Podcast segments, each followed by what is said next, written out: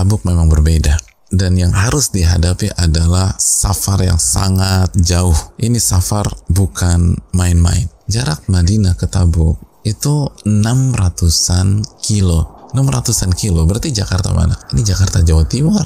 Dan medan yang ditempuh Mafaza. Mafaza itu gurun pasir yang jarang ada air panas bisa sampai 50 derajat itu trek yang akan dilewati oleh Nabi dan para sahabatnya setelah perjalanan yang sangat melelahkan, yang ada di benak mereka adalah setelah itu kita akan berhadapan dengan musuh besar. Musuh yang sangat mengerikan. Kalau kita jalan tuh udah sampai uh, mau tidur dulu sebentar ya. Kita cari hotel, mau rebahan sedikit, masuk hotel, istirahat. Ini enggak. Setelah dibakar sinar matahari 50-an derajat, musuh yang dihadapi adalah Romawi dan Rasulullah SAW menyampaikan hal ini kepada kaum muslimin membakar semangat mereka. Maka semangat para sahabat benar-benar membuncah pada saat itu. Alih-alih mereka takut umat Islam para sahabat Nabi Shallallahu Alaihi Wasallam itu semua bersama Nabi Shallallahu Alaihi Wasallam.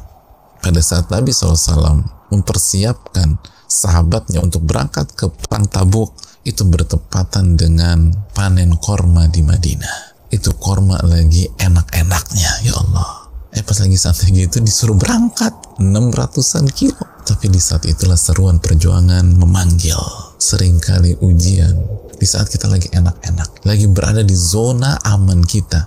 Tiba-tiba diminta keluar dari zona tersebut. Waktu lagi nggak ada duit, nggak ada apa, nggak belum dapat hidayah jamaah, nggak ngerti apa-apa akhirnya ngerintis sebuah usaha atau diterima oleh sebuah pihak. Dan ternyata itu haram semua di sana. Dan kita nggak ngerti ini. Naik naik di posisi yang tinggi dengan salary besar banget. Eh tahu bahwa ini haram jamaah. Itu nyesek. Tapi justru perjuangan memanggil di saat itu. Sehingga semua harus dirubah lagi. Para sahabat depan mata nyaman. Depan mata korma santai di rumah. Tiba-tiba Nabi minta keluar kita berjalan sejauh 600-an kilo melewati gurun pasir yang mempertaruhkan nyawa kita. Lalu kalaupun selamat dari gurun pasir tersebut, Romawi sudah menanti Anda. Kita bukan orang pertama yang diuji seperti itu.